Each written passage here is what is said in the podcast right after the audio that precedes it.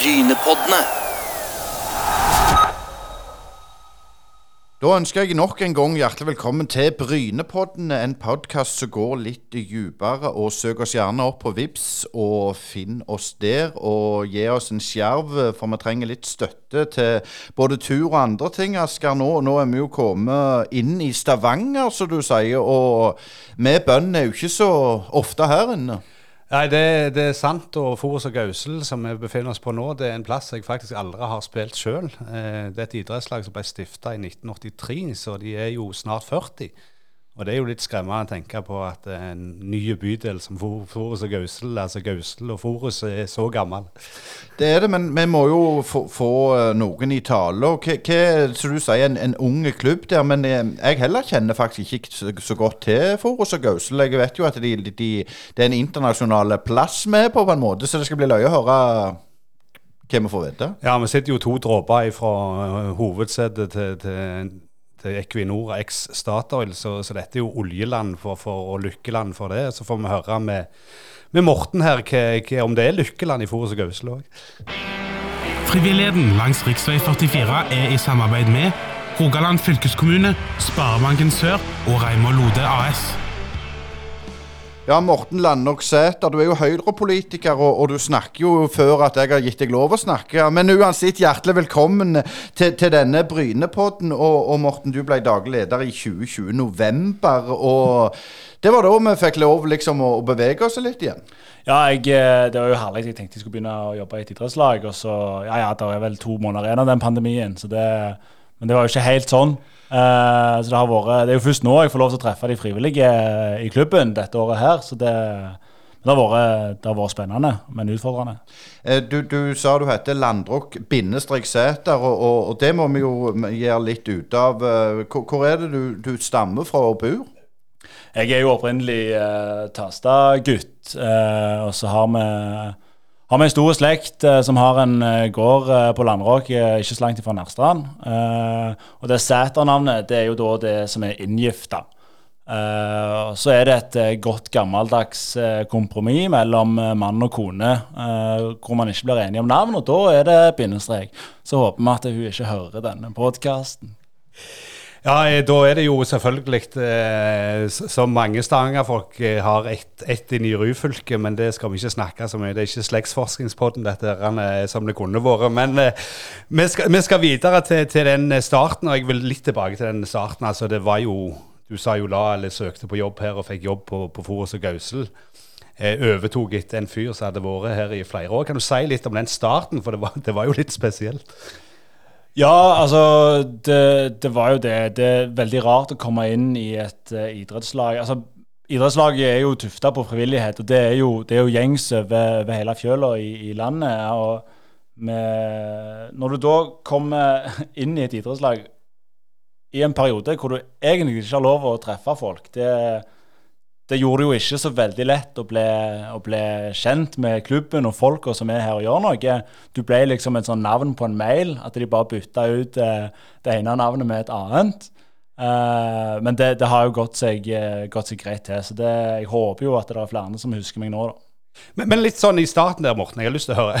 Hva, hva, hva fant du på å gjøre? Altså, det, det går ikke an å planlegge en konkret mye treninger, hvordan du skal sette opp dette, og hvilke lag skal spille kor og sånn. Altså, det var jo enda mye usikkert. og, og, og hvordan, holdt du på å si, hva, hva, tenkte du? Fikk du tid til å tenke litt om hva du vil med jobben og framtida til klubben og sånne ting? Det, det, er jo fordelen, at jeg fikk eh, du fikk en sånn rolig tid til å sette deg inn i, i ting og, og, tang, og hvordan, hvordan, det er. Jeg fikk brukt mye tid med, med de mest sentrale folka i styret, og med, med, Jarle, som er kollegaen min i, i idrettslaget. Uh, for det var jo ikke, det var ikke så mye kamper. Ting gikk litt på, på halv maskin. Uh, så sånn sett var det jo det var jo en rolig intro. Uh, og så når vi da først fikk lov til å spille fotball for fullt, så var det jo en eksplosjon.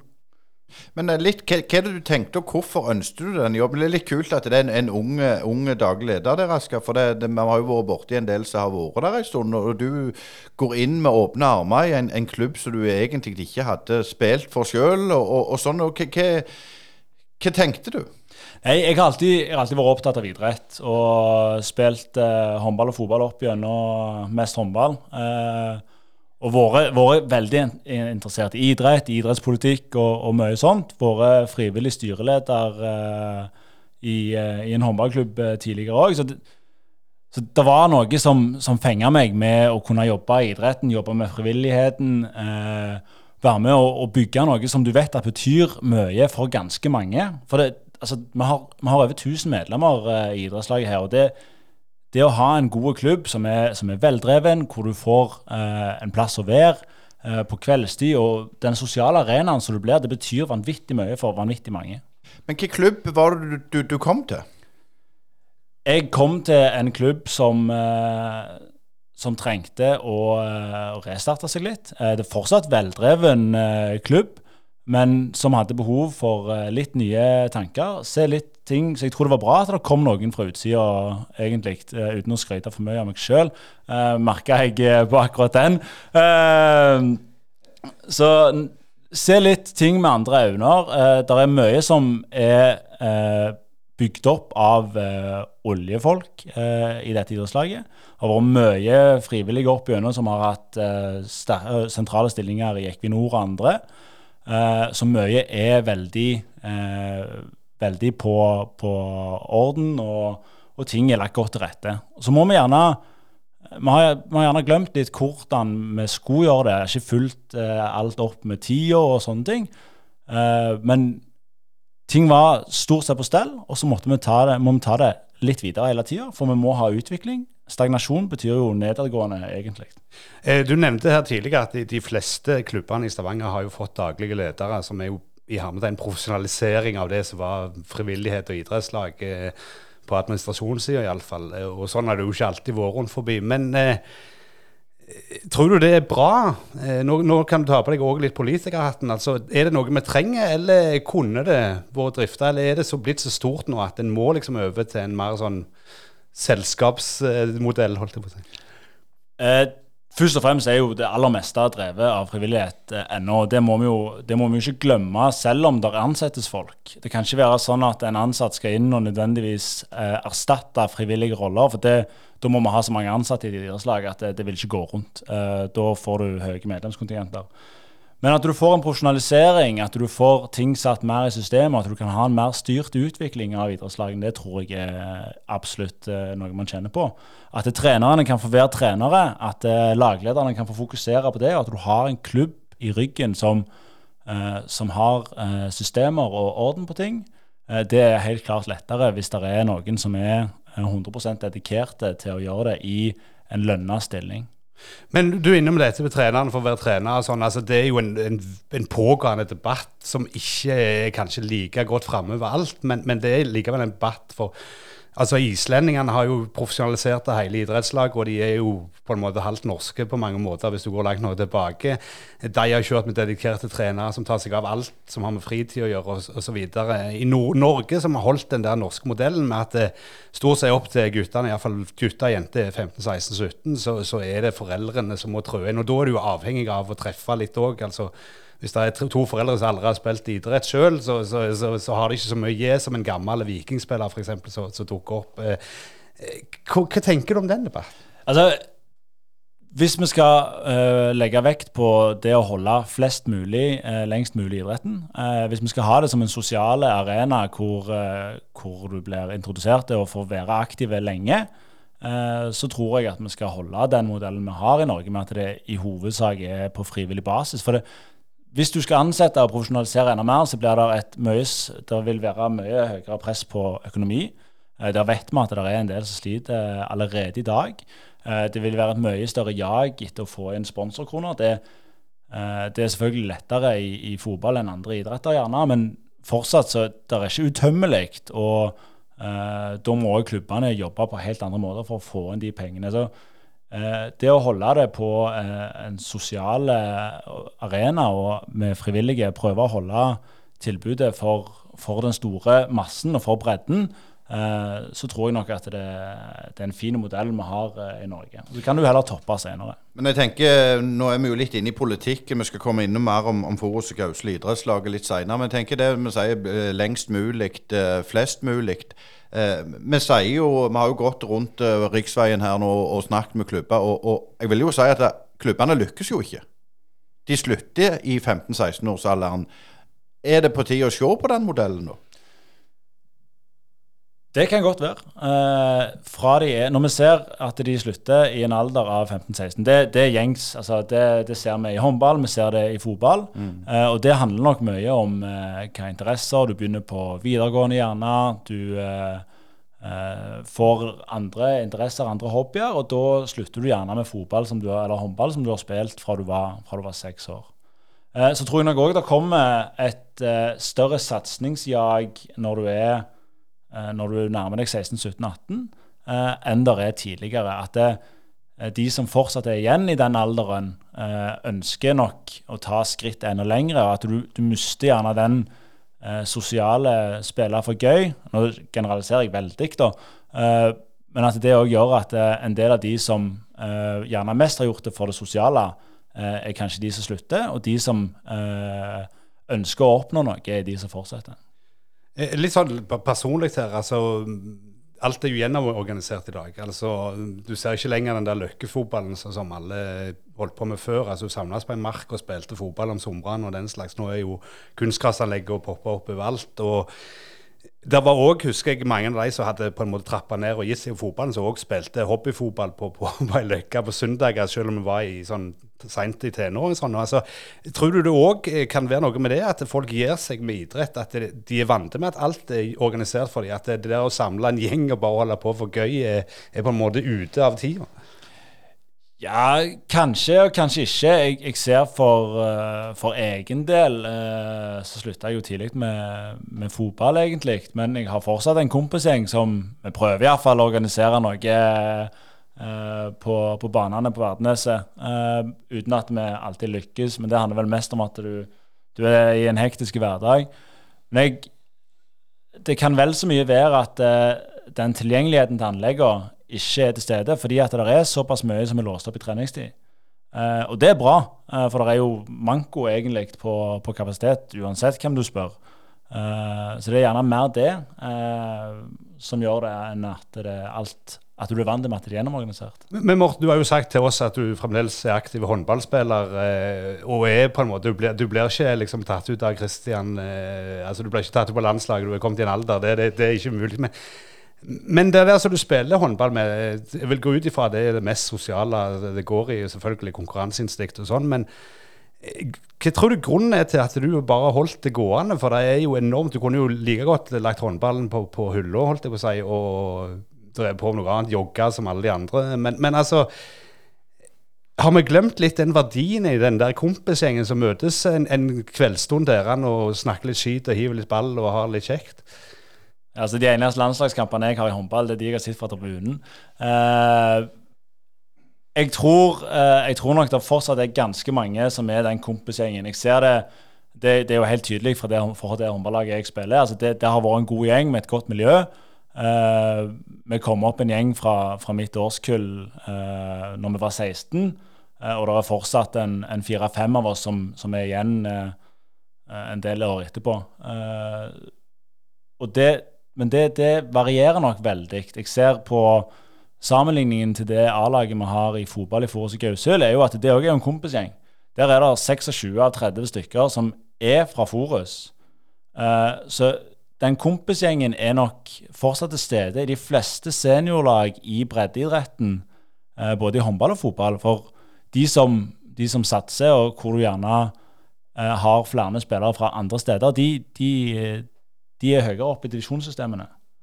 Jeg tenker Vi må innom mer sport, men politikk det må vi òg eh, innom litt til. For det at, eh, nå har vi jo vært langs eh, Jærkysten, vi har vært på Sørlandet.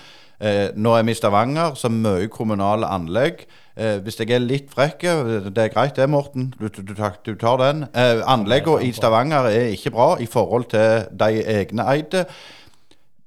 Hvorfor er det sånn, og har politikerne på en måte Altså, jeg, jeg, jeg klarer ikke å forstå Du er i Stavanger, så reiser du til Jæren, så er det milevis i forskjell på, på, på anleggssida. Og da er det spørsmålet er det rettferdig. Altså, eh, sa du nå at du syns anleggene i Stavanger ikke er gode? Ja. For jeg er jo av den oppfattelsen at anleggene i Stavanger er gode. Stavanger kommune bygger de anleggene for idrettslagene eh, og vedlikeholder de og sørger for at det er gode anlegg, og at vi slipper at idrettslagene må ha den eh, byrden sjøl. Uh, og jeg har, ikke, jeg har, ikke, helt samme oppfatning om at de er dårlige. Så har vi jo selvfølgelig en helt annen situasjon på Jæren, hvor de uh, i størst mulig grad vil eie og drifte det sjøl.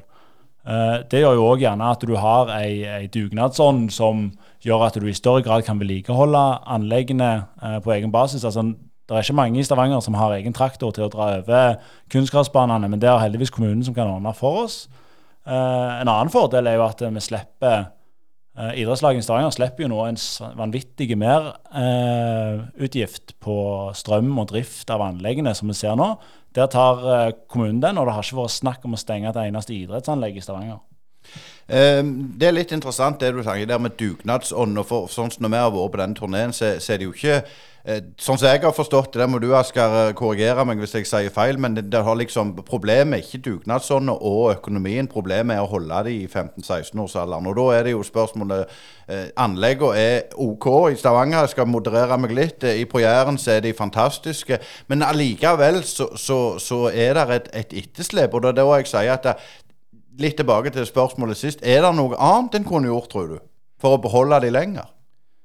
Hvis vi skal beholde de lenger, så må det være mm, altså flere anlegg. Eh, skader overhodet ikke. Mer kapasitet gjør det heller ikke. Så tror jeg òg at det, eh, det, med å ha gode trenere, større grupper eh, Vi ser jo at eh, en del av de som vil satse tidlig, bytter gjerne klubber. Eh, kanskje vi skulle prøvd å gått sammen med klubbene og sagt at kanskje vi ikke skal prøve å, å plukke spillere fra hverandre med en gang de har eh, Uh, Skåret et par mål i, i G16-serie. Uh, og heller sørge for at det er gode lag i, i alle lokalklubbene. Uh, og heller sende de til Viking når de er gode nok til å spille elitefotball. Frivilligheten langs rv. 44 er i samarbeid med Rogaland fylkeskommune, Sparebanken Sør og Reimar Lode AS. Ja, vi blir litt engasjerte nå, og det er viktig det, skal vi tanke på, på anleggssida. Men jeg tenker òg Forus og Gausel, du må fortelle litt om klubben, Morten. For det er jo en stor eh, klubb. Og, og hva, slags eh, lag og, og, eh, Er det bare fotball, f.eks.? Nei, det er ikke bare fotball. Altså, Forus og Gausel er vel mest kjent for å være, for å være en fotballklubb. og det, det handler nok om at overvekta av uh, spillerne og laget våre er jo fotball. Uh, det er helt klart. Vi er rundt, eller vi er i overkant av 1000 medlemmer. Uh, og rett under 700 eh, av de er fotballspillere, så det er jo helt klart at det, det er fotball som er størst. I tillegg så har vi håndball. Uh, der er det vel òg rundt 150-200 spillere. Og så har vi et ganske nyoppstarta tilbud i, i, basket, som starta høsten 2021. og som går til seriestart i år med, med fire lag i, i forskjellige årskull. Vi var jo innom Lura her eh, sist gang, og de òg har jo et basketlag. Eh, dette med basket altså I gamle dager så kunne du høre basketresultat eh, på Sportsrevyen, og, og det var noen som holdt på med det òg, men det gjorde vi helst bare i gymmen med sånn ungdomsskoleturneringer. Sånn. Altså, hvordan er det å få folk inn i et sånt miljø? For det er jo ikke akkurat noen tradisjon i Rogaland for noen gode basketball.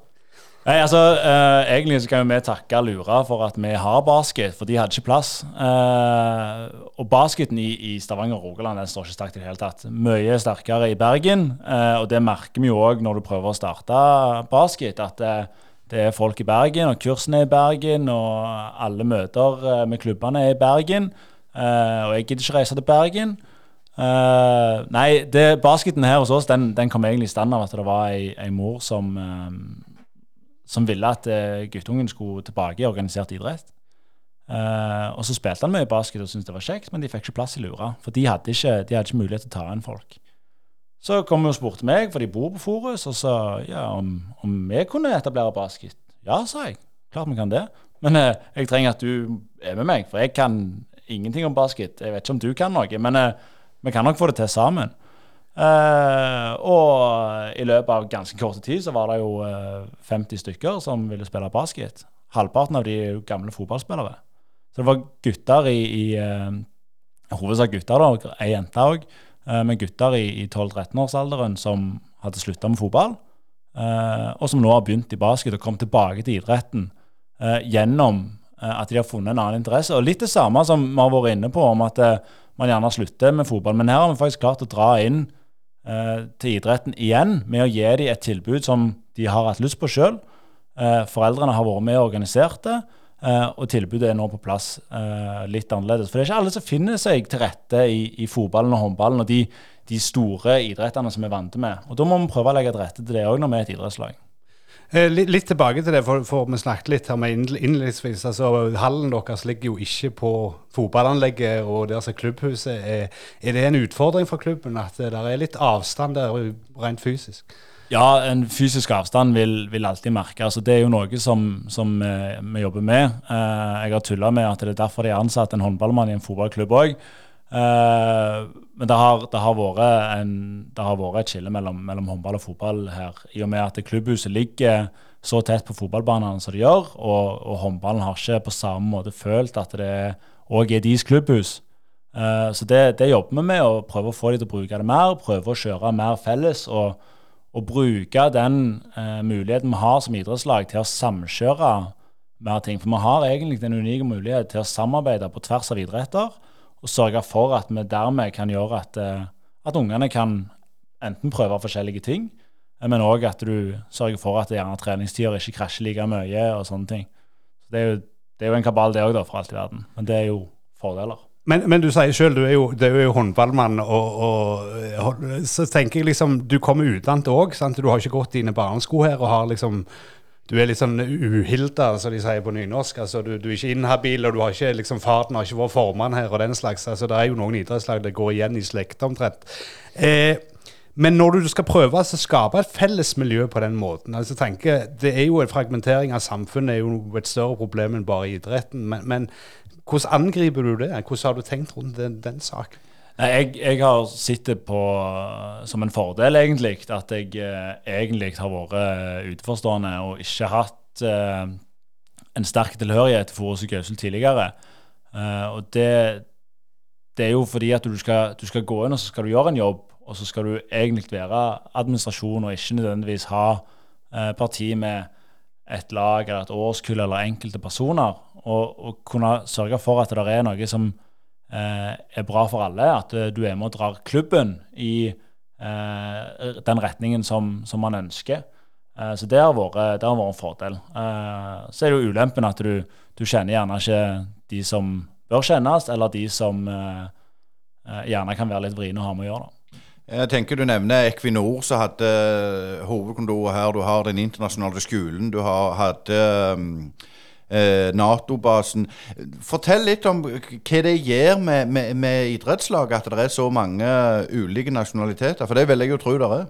Det er veldig mye, og eh, det, det, merker du jo òg. det er det er nok en del andre som, som merker det. Altså, du har, du har uh, Sunde i Kvernavik, og du har Brodd, du har Lura òg, som ser en stor variasjon av folk. og det Jeg mener jo det er utelukkende positivt at det er uh, stor variasjon, men det men bare avbryte. Hva, ja. hva gjør det med deg som, som, leder? Må du tenke annerledes, eller, eller bare syns du det krydrer det? Eller er det sånn Oi, det var sånn det var? Altså, jeg, jeg, har skrevet mye mer engelsk eh, og forklart mye mer ting på engelsk enn jeg hadde trodd eh, jeg skulle gjøre eh, i denne rollen. Men det, du, må, du, må, nok tenke litt annerledes. Det er, det er, mange som gjerne ikke forstår hva dugnad er, eller at dette er et idrettslag som er drevet av frivillige, og at du, du, må gjerne drive med en liten sånn opplæring rundt de tinga. Eh, men det er jo vanvittig mye ressurssterke personer som, eh, som jobber i, eh, i, Equinor, og som kommer fra, fra andre land. Så vi, må, vi har nok ikke vært flinke nok på å ta ut den kapasiteten som er der. Og Det handler jo gjerne mest om at de ikke viser seg på trening. Og de er kanskje ikke like mye med som trenere, fordi de er ikke vant med modellen vår godt nok. Det, det, det, er jo en fascinerende ting, men en annen fascinerende ting er jo det at det står jo vitterlig 1983 på, på logoen deres, og det er stiftelsesår. og jeg kan vagt huske denne haugen vi befinner oss på som en bar fjelltopp, mer og mindre. Eh, du hadde en fin historie der om, om, om, hva dette var før det ble byggefelt eh, her tidligere i dag. Ja, altså det, det, var jo her byfolka reiste for å være på hytta. Eh, langs Forestranden og Gauslevågen. Og det, eh, det er jo ikke akkurat det nå lenger. Og det er jo mange som forbinder området egentlig bare med, med, med Equinor og industri, og tenker at bor det folk på Forus? Eh, men det er jo ganske mye folk som bor her, og det viser jo egentlig dette idrettslaget. det er jo det er jo ganske mange som ikke er med i idrettslaget òg. Det bor sikkert 10 000-15 000 i, i, i, området som, som vi grenser til. Men, men, kan du si litt, da? Så dere har jo to navn, Forus og Gausel. Eh, Gausel ligger jo Forus ligger delvis ned mot strand, og det gjør Gausel òg. Eh, er det noen forskjell på Forus-folka og Gausel-folka, eller er det blitt så mye mishmash at altså, det er ikke noe forskjell lenger på noen? Nei, det er, det er iallfall ikke noe forskjell, som en eh, enkel gutt fra Tasta merker noe veldig. Men vi kunne jo trukket, trukket inn Godesett eh, og Frøystad òg inn, sant? så hadde du begynt å få til ganske, ganske lang forkortelse etter hvert. Men jeg ser du har Forus og Gausel, eh, Vikingskjerf, eh, Liverpool-skjerf, eh, Newcastle og Milan og litt forskjellig. Men jeg tenker det er sånn Når dere sukner til så nærme til Sandnes Ulf og Viking, er det noe samarbeid på, på tvers av, av toppklubbene? Altså, Vi samarbeider med, med, Viking, det gjør vi jo. Det, det har vi vært tidlige på inn i dette Vikingløftet som, som har kommet i stand. Så det, det er vi. Og så ja, jeg skal passe meg for å si noe om Sandnes Ulf nå. men, men, litt eh, tilbake til dette samarbeidet med Viking. For det, det, har jo vært opp og ned, vet vi. Og i de siste åra har de jo fått et, et spadende akademi. Men eh, har dere mista mye folk til, til Vikingsystemet som dere egentlig skulle hatt i klubben noen år til? Og sånn opp gjennom? Er det noe dere har tenkt på det der? Opp gjennom så, så, har det jo vært tilfeller av, eh, av, det. Og det er jo noe som, eh, som min forgjenger òg var med og tok en støyt på. at det, det var mye spillere som ble henta i 12-13-årsalderen. altså Nærmest før de eh, hadde lært å, å kjøre en innsidepasning skikkelig, så ble de henta ned til Viking. Og gjerne ikke bare den ene, men to-tre av de nærmeste kompisene òg. Så der har vi jo uh, vært med og bidratt til å, til å få en, uh, en, modell som i utgangspunktet er bedre, hvor du, hvor du har samarbeidslag, og at du skal prøve å holde de lengst mulig i klubb så ser vi jo at det er en av de største spillerne som, som vi har hatt i, i Lasse Berg Johnsen, som nå spiller i, i Randers i Danmark. Han, han, forsvant jo fra Forus når han var, når han var 13. Eh, og han har sett flere A-lagskamper fra sidelinja enn han har spilt. Så det er, jo, det er jo dumt. Men han har jo fått en fin karriere så langt. da. Men jeg tenker det du sa, du skulle ikke si så mye om Sandnes Ulf, men det kan jeg gjøre. For at uh, Bryne har jo utfordringer nå. Nå vet jeg at det jobbes med å få bedre samarbeid på naboklubbene, for der er Viking òg på, på, dette trenerløftet. Og Viking har vært uh, er flinke, men de sleit jo òg for noen år siden. Jeg kaller det med omdømme. Sandnes Ulf sliter nå. Men da er det sånn Hvorfor ser ikke Sandnes Ulf dette sjøl, tror du? Nå vil jeg si at Bryne har innsett at vi må gjøre noe. Vi må faktisk ut til klubbene og gjøre en jobb, og ikke bare kreve og kreve. Men det ser ikke ut som Sandnes har realitetsorientert seg skikkelig. Nei, det, det, er liksom vanskelig å si, for eh, alle er jo tjent med å ha best mulig ungdomslag. Jeg tror ikke at Viking og Sandnes Ulf og Bryne for den saks skyld er tjent med at uh, når de spiller gutter 14, 15, 16, så møter de kun de tre lagene Viking, Sandnes og Bryne uh, med de forskjellige akademispillerne sine. Det blir ikke utvikling av at du skal uh, sende vekk en haug med nest beste, eh, og at du egentlig stripper gode lag fra de beste spillerne. Du, du, ønsker jo matching best mulig når du spiller kamper. Det, det, er jo helt klart. Hvis du skal utvikle deg, så må du ha en god matching. Eh, og da Jeg skulle i alle fall sett at, at spillerne gjerne ikke gikk før de var 16-17 år, og at du fikk holde det i klubb. Men så er det noen som, som tenker rundt en treningshverdag og Eh, at det er mer profesjonelle systemer i, i uh, eliteklubbene og i, i, toppklubbene. Så jeg forstår veldig godt at det frister. Men jeg tror også, altså, vi vet jo at uh, lag blir svekka uh, av at de beste spillerne forsvinner. Og det som man gjerne ikke tenker på, er at én ting er den spilleren som gjerne er mye bedre enn de andre, men den er jo gjerne òg sønnen til en av trenerne. Og den trenerressursen mister jo òg klubben, da. Hvis det er en spiller som går fra vårt gutta 14-lag til Viking, og det er sønnen til treneren, så står jo egentlig laget da med en mindre ressurs der òg. Og det er heller ikke bra. Du, du, nevnte her at A-laget stort sett består av lokale folk, altså fra, fra Forus-området. Og der er jo vitterlig to, to, klubber rett borti høyre. Du har både Hinna og, og Vaulen noen steinkast herifra, og, og Lura den andre veien. Eh, har det òg vært en problem sånn historisk at de andre klubber har kommet til å snappe opp deres folk, og sånn, eller klarer dere stort sett å holde det inhouse? Altså, Vaulen har ikke snappa så mye, men Hinna ligger og napper litt i, i spillere. Der er, og det er mange på både Hinna sitt eh, A-lag og på Forus sitt A-lag som har spilt både for Forus og Hinna. Eh, det viktigste for oss er jo egentlig at hvis de, hvis de vil prøve seg i Hinna, så må de, må de, gjerne få lov til det. Men når de finner ut at uh, det var kjekkere å være i Forus, så må de komme tilbake. det må ikke være sånn at Uh, at du blir sånn stolthet i det, at du heller slutter enn å komme tilbake igjen. For jeg vil mye heller at du, at du kommer tilbake, og så sier vi OK, du, du fant ut at gresset er like grønt her, og vi syns det er kjekt at du er i Forus igjen. Nå, altså, nå, er jo Varhaug litt hot. Der kan det jo fort bli at de rykker opp, og at det på en måte forvitrer. Nå hadde vi Kåsen for noen podder siden. De var jo oppe i tredje. De raste ned. Du lura sist. Der var der oppe raste ned. Men, men, hvorfor tror du det er sånn at det, at det, er liksom lag som skal plutselig Nå skal vi satse, nå skal vi gønne på. nå er det, altså, Hvilken mekanisme er det? For, for, dette er jo historisk sett, og det er jo ingen som lykkes. altså Du har Viking og Bryne og Sandnes Ulf delvis. Du, du, altså, du, du får ikke en tippeligaklubb for Forus og Gausel. Nei, og det, det er iallfall ikke vår ambisjon heller. Nå kan jo ikke jeg snakke så mye for ambisjonene til de andre. Vi har sagt helt tydelig at vi ønsker å ha et lag som ligger stabilt høyt i fjerdedivisjon. Fordi vi skal, vi skal, være det tilbudet for den kompisgjengen som har lyst til å spille fotball to-tre ganger i uka, spille kamp på et bra nivå og være en god gjeng hvor vi kan satse på det sosiale samholdet, eh, heller enn å eh, rykke opp til, til tredjedivisjon og få masse reiser. Liksom, det som er utfordringen med tredjedivisjon, er at det, det, begynner å bli et ganske høyt nivå og et godt nivå, men det blir jo òg en profesjonalisering eh, av, eh, for spillerne. Altså du, du har jo full jobb utenom den treninga. Og hver eneste helg så skal du reise på kamp.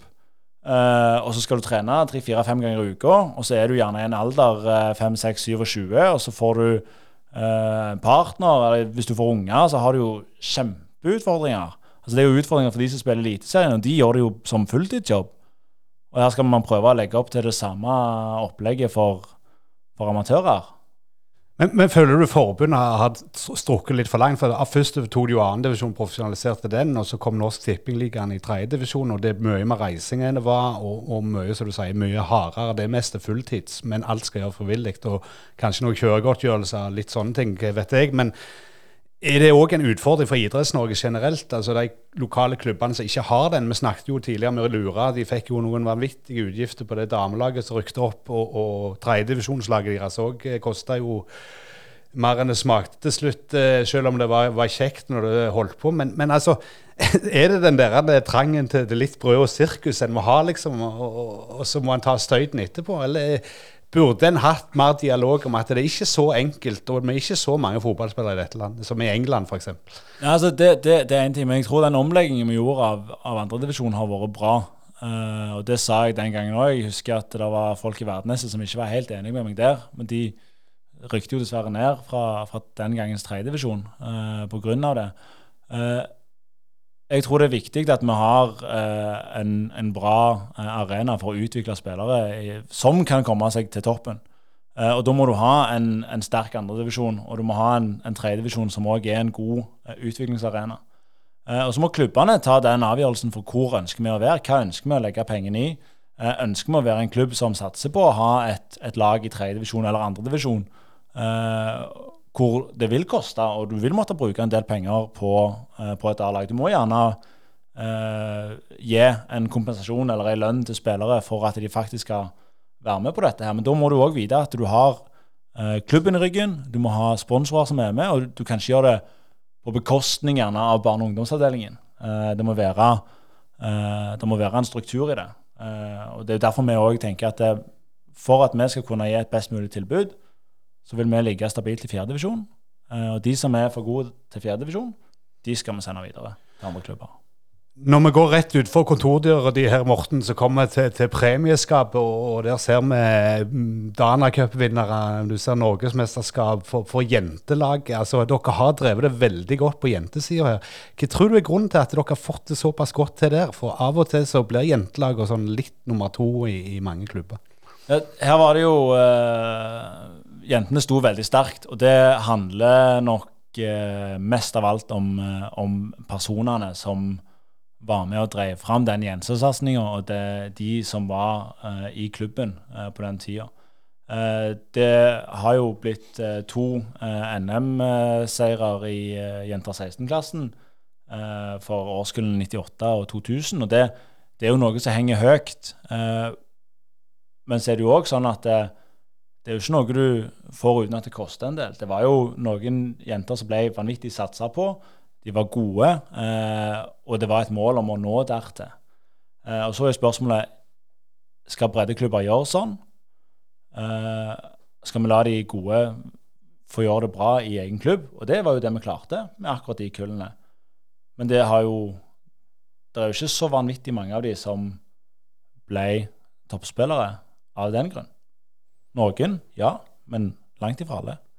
Men det, da er vi litt tilbake til den der gamle eh, klassiske i mange breddeklubber med at du får noen foreldre som er ekstremt ivrige, som har peiling og kunnskap. Og så kommer kullet unna et år og to, så, så der har du foreldre som har mindre kunnskap. Og så får du noen vanvittig gode lag plutselig, og så får du noen veldig mindre gode lag bak. Det har jo òg med selvfølgelig hvor mange det er i, i kullet og alt det der, og talent. Men, men altså den utfordringen der, det er jo sånn den hverdagen i breddeklubben. altså Du har tiårslaget som ikke gjør det så godt, f.eks., og så har du tolvårslaget som er suverent og vinner alt og, og sånne ting. Hvordan, hvordan klarer en å balansere den hverdagen? Nei, det er jo det er jo litt sjarmen med norsk eh, idrett òg, at det eh, der er store variasjoner. Og det er litt eh, Det er gjerne litt tilfeldig hvem, eh, hvem, som fikk barn hva år. Eh, og, og det, det, er klart. Men det, det er jo en, en balanse du bare må, må ta. Eh, og så er det jo sånn at noen årskull er bedre enn andre. Eh, det, det, handler om hvem du fikk som trenere og sånne ting. Så må vi heller legge til rette da, på at eh, de som kommer inn som trenere i klubben, at de kan få eh, kursing, at de kan få påfyll, at de òg kan utvikle seg eh, i trenerrollen og i laglederrollen. At de har de verktøyene de trenger for å sørge for at Eh, de guttene og jentene kan spille fotball, ha det kjekt sosialt eh, og bli så gode som, som de har mulighet til å bli. Eh, du nevner dette med jentefotball og satsing. Jeg kommer jo fra rette side av Skjævelandsbrua og ikke så langt ifra fra Klepp. Jentene der. Det som kommer til å skje, det er jo ganske sikkert at Klepp blir spist opp av Viking. Det blir mer satsing på Viking jentefotball. De satser jo nå, men, men du ser Brann, Lillestrøm osv. osv. Er du redd at det kan gå ut over på en måte bredde, jentebredde? Jeg håper det vil være med å styrke eh, bredden for jentesida. Det at du får mer blest eh, rundt damefotballen, det at eh, de tradisjonsrike herreklubbene eh, i stor grad òg får en satsing på damelag, eh, og at du får det apparatet som f.eks. Viking, Rosenborg, Brann eh, har til å drive toppfotball, at du òg får det inn på jentesida, håper jeg virkelig kan være med å øke jentefokus, eller jenteoppmerksomheten liksom, rundt eh, damefotball. Eh, vi så jo eh, Vi kan jo egentlig sette det mesterskapet for damer som var nå, eh, i England, som en sånn eh, startskudd på å få, eh, på å få liksom, damefotballen løfta enda høyere. Og jeg håper virkelig at det kan gjøre at vi får inn flere jenter lengre. Vi ser at vi sliter i ungdomsfotballen. Akkurat nå så har vi ikke et damelag. Eh, og det å kunne få enda mer blest, enda mer eh, jenter som spiller, enda mer rollemodeller de unge jentene kan se opp til, så håper vi at det kan gjøre at de fortsetter lengre. Men eh, du, som sagt, innledningsvis har du brukt mye av livet ditt på parketten. Ikke riktignok med salongdans, men, men, med håndballen. Eh, kan du si litt om handkapasiteten? Hvordan ligger dere an på det feltet, og har dere noen planer der framover? For, uh, for, håndballen så er det jo for Forus Gausens del uh, helt klart at vi må få inn flere spillere der òg. det er jo det vi ønsker. Vi vil ha flere spillere hele tida for å sørge for at det er et godt tilbud. Uh, spesielt gutter er jo noe som, som det er vanvittige manko på egentlig i håndballen. Og det, det, er litt sånn rart, det, fordi at du, du, sliter med jenter i fotballen, og så sliter du med gutter i håndballen. Uh, og da, klarer du å legge sammen én uh, og to der. vi, vi, men der òg ser vi gjerne at det er en del trenere som, som sier at, eller foreldre som sier nei, jeg kan ikke være trener. Jeg, jeg kan ingenting om håndball.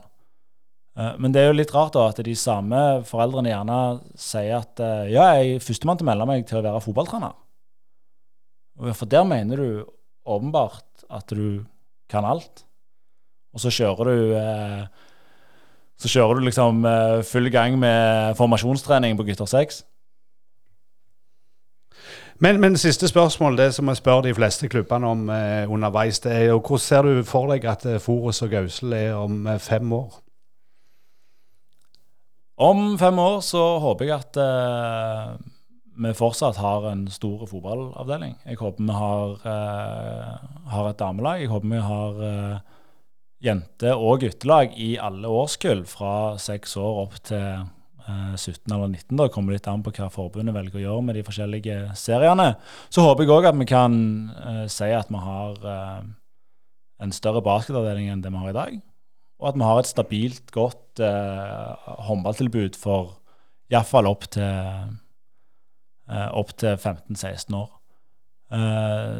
det er min ambisjon. Så får vi se om jeg er der om fem år. Jeg håper jeg iallfall ikke blir heven ut i løpet av de neste fem årene. Det tviler jeg jo på. Uh, men det, det, viktigste er jo å klare å holde de som kommer til nå, og sørge for at de uh, får et så godt tilbud at de vil fortsette å spille håndball, og fotball og basketball.